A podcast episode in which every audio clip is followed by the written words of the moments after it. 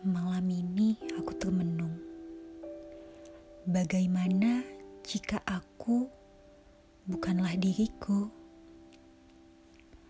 Kita tumbuh melalui didikan orang tua dan lingkungan.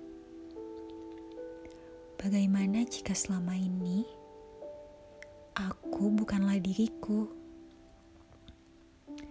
Dari kecil, aku sudah dididik menjadi mandiri jawab, dan penurut. Jika ada suatu kekurangan dalam diriku, aku dibandingkan dengan seseorang yang tidak mempunyai kekurangan sepertiku. Dulu, aku hanya bisa terdiam dan menerima itu semua. Di kamar, hanya bisa menangis dan meratapi dan berpikir,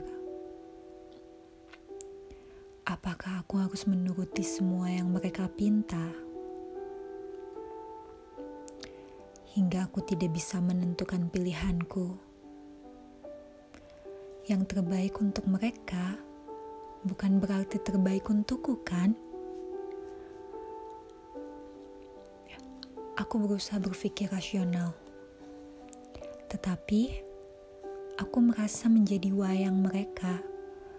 Aku sedang dikendalikan oleh dalang yang ingin menentukan hidupku bagaimana.